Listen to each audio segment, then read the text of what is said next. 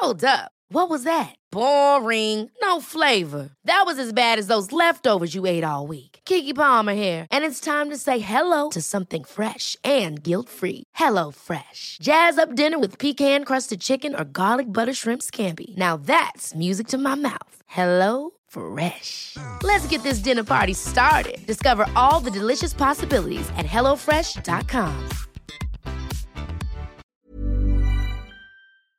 Varmt välkommen ska du vara till podden om stress och utmattning.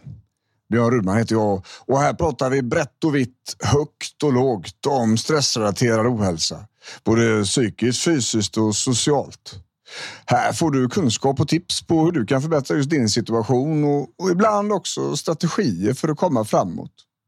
Vill man få tag i mig för att boka föreläsningar till jobbet, boka in sig på onlinekurser eller kanske samtalsterapi är den klart bästa vägen att gå är att surfa in på min hemsida som kort och gott har adressen bjornrudman.se. Men nog om det nu. Nu är det dags för podd igen. Häng med så kör vi. Varmt välkommen.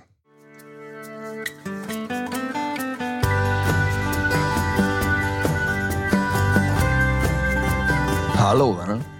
Då var det dags för lite podd igen och, och idag ska vi kolla på trötthet tänker jag och på vilken trötthet som är okej okay och inte okej okay.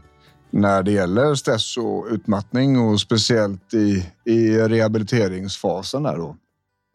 Det är en fråga som, som jag pratar med mina patienter om ganska mycket och det är också en fråga som är relativt vanligt förekommande i sociala medier också. Just på mina plattformar där att men vad är okej okay? trött liksom? Får jag inte bli trött överhuvudtaget när jag ska rehabilitera mig eller vad är grejen? Um, och det finns också argument då för men i slutet på en dag, då hade ju alla varit trötta. Det spelar liksom ingen roll utmattad eller inte. Alla är trötta i slutet på en arbetsdag liksom. Eller alla är trötta på en fredag eftermiddag. Ja, det stämmer ju. Så, så är det ju. Um, och, och, jag tänker vi ska växla några ord där om, om vad, vad som är okej okay och inte okej okay då. Um, I alla fall ur det perspektivet att vi ska bli bättre ur vår stress och utmattningssituation.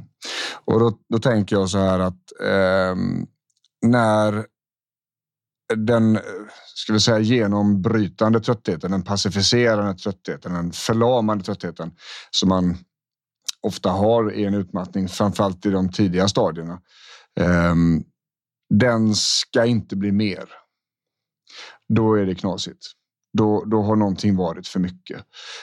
Um, blir man uh, gå och lägga sig trött efter en aktivitet, oavsett vilken aktivitet det är, oavsett hur liten den är, hur stor den är, så, uh, så, är, så har det varit för mycket. Helt klart. Um, är det nu så att eh, vi har det har gått ett tag i vår utmattning och vi, vi har gjort vad vi har kunnat för att hålla ner belastningen, för att hålla upp återhämtningen och man kan argumentera för att vi faktiskt har blivit bättre. Då, då är det okej okay med lite trötthet, men ofta jag upplever att mina patienter ändå någonstans kan särskilja de här två åt och kalla det för den här normala tröttheten där man är liksom man är mosig efter, efter dagen, men man är inte konstigt trött. Liksom. Man är inte... Det känns inte som att man har ätit mediciner som gör en trött, om man, om man säger så. Um, så. Så det finns ju skillnad på trötthet och trötthet och ju närmare man är det, man, det vi kallar för det akuta insjuknandet, alltså när det blev en utmattning. Ofta då när man fick gå hem från jobbet eller liknande eller det är någonting mer som har hänt. Ju närmare man är den perioden, desto mindre trötthet ska man liksom köpa läget. Utan där ska vi framförallt vila eh, så att vi har mindre trötthet och vi ska inte göra saker som gör oss mer trötta så att säga. Va? Ehm, tröttheten är ofta ihopkopplad med andra symptom, med framförallt med kognitiva symptom. Det vill säga att, att koncentrationsproblematiken kanske blir sämre när man är trött. Um, humöret kanske blir sämre. Uthålligheten, alltså förmågan att, att fungera i en längre tid i ett, i ett sammanhang blir sämre. Eh, känslan av krav och sånt ökar. Alla de här sakerna som vi tittar på när det gäller just utmattningssituationer. Om det blir värre utav en situation så, så tänker jag mig också att där finns det nog en ökad trötthet, även om det kanske inte är det som känns först så att säga. Um, så ju tidigare man är i sin utmattning, desto mindre trötthet är okej. Okay. Ju längre tid det har gått och ju bättre kontroll man har på sin vardag, och ju bättre kontroll man har på hela belastningsbilden och sin återhämtning, desto mer trötthet är okej. Okay. Men vi ska inte få den här förlamande tröttheten som känns nästan som att man har ätit medicin liksom, fast man inte har gjort det. Vi ska inte köpa läget med att det blir svårare att koncentrera sig. Det blir svårare att, att fokusera överhuvudtaget. Det blir jobbigare med sinnesintryck. Alla de här grejerna, det ska vi liksom inte köpa läget att det blir. Um, utmattning som jag sagt tidigare är ingenting man kämpar sig ur så att att hålla ut i de här grejerna är ingen bra idé.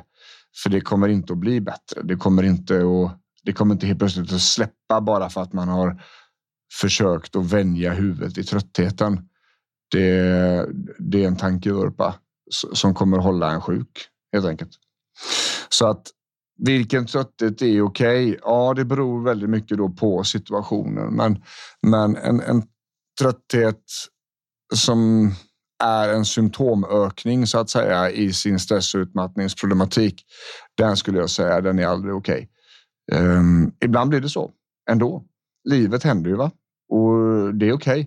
Men då måste vi också dels vila i kapp detta. Vi måste se till att vi får, får gott om tid för huvudet att återhämta sig och vi måste göra en, en reflektion. Vad ska jag göra för att inte hamna här igen? För det här är ingen bra idé. Det är ingen liksom hållbar lösning att man, man lid, genomlider och utsätter sig för och försöker och hålla käft och bita ihop i de här situationerna som gör mig sämre. För, för det, det kan ju hålla igång utmattningen i, i många år alltså. Utan, utan problem. Eh, när jag träffar patienter som har haft besvär i, i, flera år, då är det här ofta en del i problemet. Man eh, håller ut. Man eh, kämpar igenom ytterligare en situation som gör mig tröttare och så har man inte riktigt ska vi säga, koll på vilka konsekvenser det här ger och hur lång tid den här eh, situationen som man fick genomlida som gjorde en mer trött, hur länge den påverkar människan. Då liksom. Och det är olika från person till person, men, men eh, som sagt, trötthet.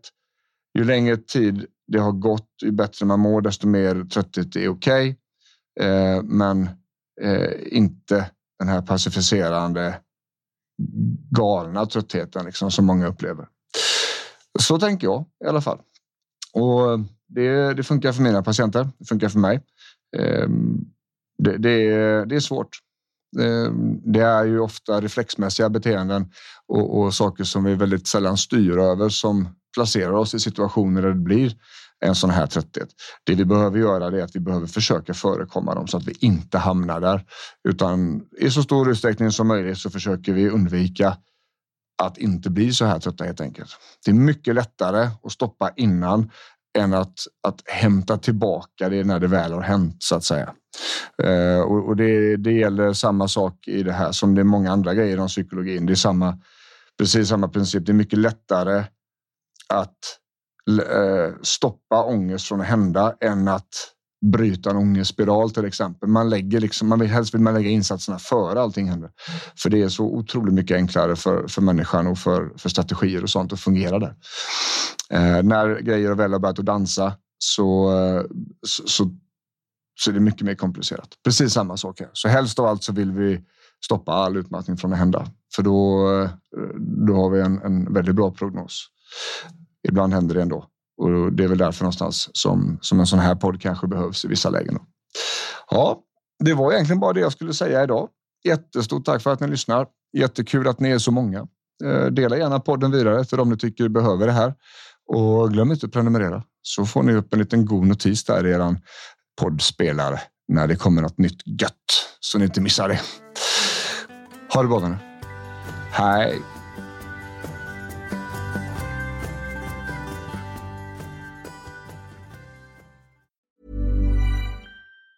Planning for your next trip? Elevate your travel style with Quince. Quince has all the jet setting essentials you'll want for your next getaway, like European linen, premium luggage options, buttery soft Italian leather bags, and so much more. And it's all priced at 50 to 80% less than similar brands. Plus, Quince only works with factories that use safe and ethical manufacturing practices. Pack your bags with high-quality essentials you'll be wearing for vacations to come with Quince. Go to quince.com slash trip for free shipping and 365-day returns.